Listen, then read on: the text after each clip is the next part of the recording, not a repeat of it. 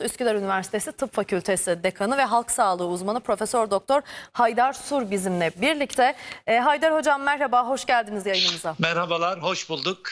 Ee, Ee, saygılar sunuyorum. Teşekkür Selamlar. ediyoruz hocam. Biz de saygılarımızı iletiyoruz size. Şimdi hemen arkadaşlarım da arkaya tabloyu hazırladılar. Nasıl bir değişim olduğuna dair. Işığı da açabilir miyiz arkadaşlar? Ben önce izleyicilerimize bir hatırlatayım dört günü. Ardından biz bir Haydar Hoca'ya gidelim. Haydar Hoca ile hemen konuşmaya başlayalım. Hocam izninizle bir iki dakika sizden Buyurun, istiyorum. buyurun. 30 Nisan'a şöyle bir bakalım. 42 bin test yapmışız ve o gün vaka sayısı 2615'miş. Şöyle bir bakıyorum 4 güne. Test sayımız şimdi 24 bine düşmüş görünüyor. Ama bu noktada tabii e, aslında neden düştüğüne dair de bakanın da açıklamaları vardı. Geçen hafta da benzer bir durum söz konusu olmuştu.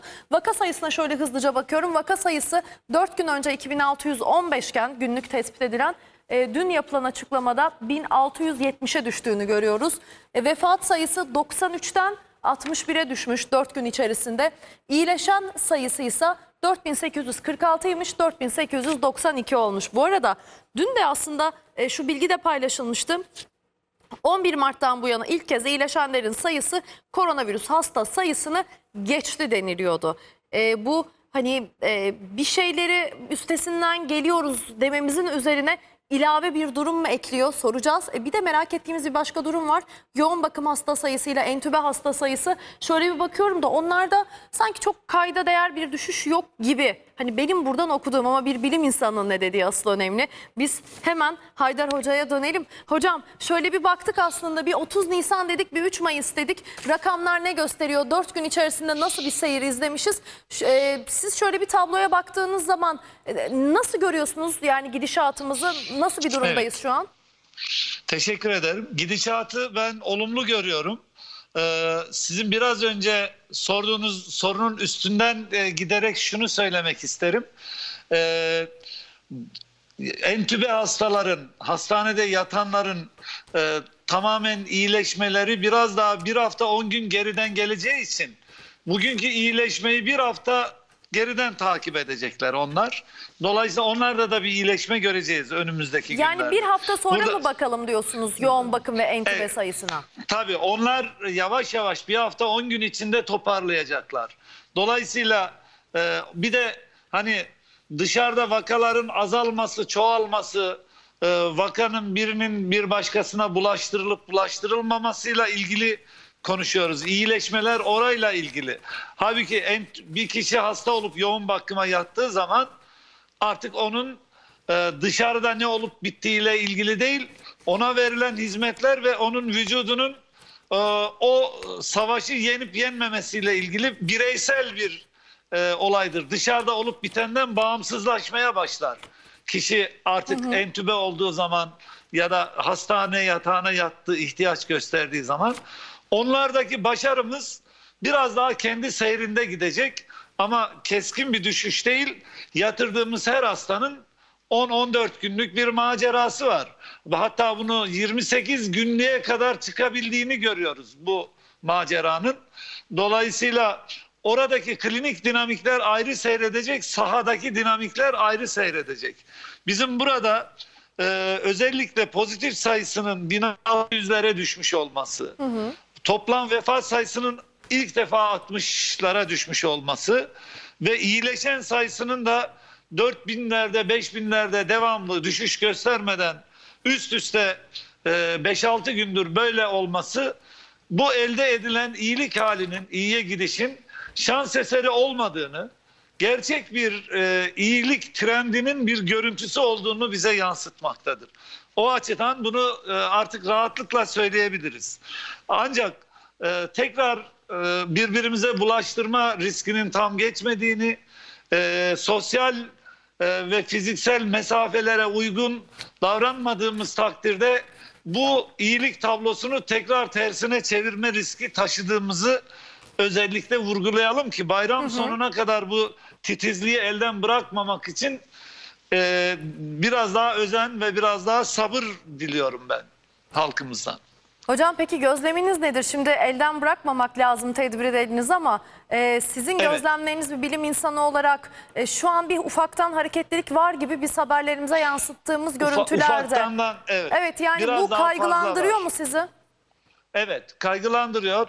Ee, sıradan bir günde 3 günlük bir e, sokağa çıkma kısıtlamasından sonra bile bu kadar sabırsızlığı göstermemiz önümüzde de bayram var. Bayramda da bayram telaşı ve sevincine de yenik düşüp bu önlemleri kenara bırakma e, tehlikesini, potansiyelini taşımaktadır.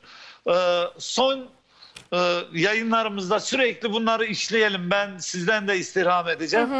Tersine çevirmeyelim tabloyu. Güzel bir gidişat yakalandı. Bir başarı hikayesini e, bir şeye kaptırmayalım. Amerika'da 1918 yılında Amerika'nın New Jersey eyaletinde buna benzer bir olay yaşandı. Philadelphia tedbirsiz davranıp binlerce, on binlerce ölüyü verirken New Jersey çok sıkı tedbirlerle çok iyi durumdayken aniden bütün önlemleri kaldırma kararı alıyor hastalık geçti diye. Ondan sonra aynen Philadelphia kadar ölü veren bir eyalet haline geliyorlar. Buna e, New Jersey rehaveti sendromu diye e, bilimde ismi kitaplara geçmiş bir sendromdur bu. Böyle bir e, şeye kapılıp da bizde aynı rehavetle böyle bir fecaatten Allah korusun böyle bir şeye ulaşmayalım. Hocam şimdi Uy- uyarılarımızı e, Evet. bir borç biliyorum ben kendi adıma. Evet rehavete kapılmamak gerekiyor. Tablo iyi gidiyor diyorsunuz. Ee, tablo Evet. kötüye dönmesin. Şimdi şunu da sormak istiyorum size. Ee, şöyle rakamlara bakarken az önce test sayısı da dikkatimi çekmişti. 40 24 bin te- dün yapılan test sayısı, Evet. vaka sayısı 1670. Şimdi burada bir kıyas ko- koyuyoruz. Haliyle izleyicilerimiz bunu gördüğünde şunu düşünebilir. E, 42 binde 2615 vaka sayısı varmış. Şimdi 24 bin test yapılmış 1670. Böyle bir kıyaslama yapmak doğru olur mu? Bir de şöyle yorumlar da yapılıyor son günlerde. Sizin de bir bilim insanı olarak görüşünüzü merak ediyorum. Test için acaba kriterleri değiştirmek gerekir mi sorusu da soruluyor. E, değiştirmeye gerek var mıdır yoksa bu kriterlerle sizce yola devam mı edilmeli?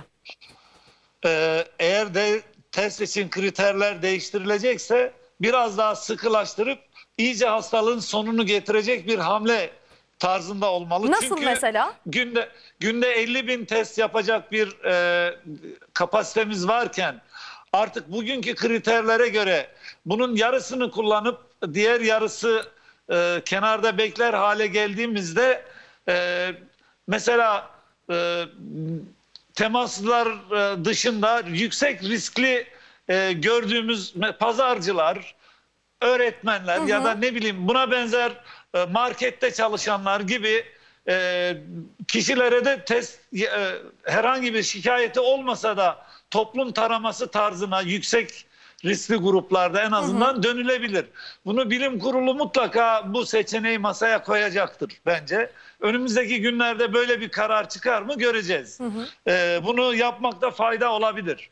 Çünkü 50 bin kapasitesi olan bir e, ülkeysek ve halen salgın e, giderek durma eğilimine geçse bile halen devam ediyorsa kendini sürdürebiliyorsa diğer 25 binlik kapasitemizin için kullanmayalım öyle değil mi? Onu da harekete geçirecek bir hamle yapılabilir. Ben de öneririm böyle bir görüşe sıcak bakıyorum doğrusu. Hocam az önce gerçi e, hangi dallar olduğuna biraz değindiniz ama riskli gruplar dediniz. Mesela pazarcılar dediniz, öğretmenler yani kalabalıklarla çoğunlukla bir arada olma ihtimali bulunan gruplar mıdır kastettikleriniz? Evet, evet. Tabii tabii. Ee, Bulaşın en fazla olabileceğinden korktuğumuz nereler var? Sanayi çarşısı mesela. Üretimi artırıyoruz. Oraya ekipler gider, filyasyon ekipleri. Orada çalışan kim var kim yok hepsini taramaya tabi tutabilir. Bu iyi bir seçenek olabilir yani. Ya da iyice artık şey olmuş olan e, ne derler? e, yolun sonunu getirmiş olan berberler ve benzeri yakın temaslı kişiler çalışmadan önce en az bir test yaptırıp öyle e, çalışma iznini alabilecek şekle getirilebilir. Bu aklıma hemen e, ayaküstü e, düşündüğümde bunlar geldi. Daha da sistematik düşünerek daha yeni fikirler üretilebilir bu noktada. Normalleşme konusunda size sormak istiyorum. Bugün bekliyoruz Evet. kabine toplantısı ardından Cumhurbaşkanı Erdoğan'ın e, ulusa seslenişini bekliyoruz.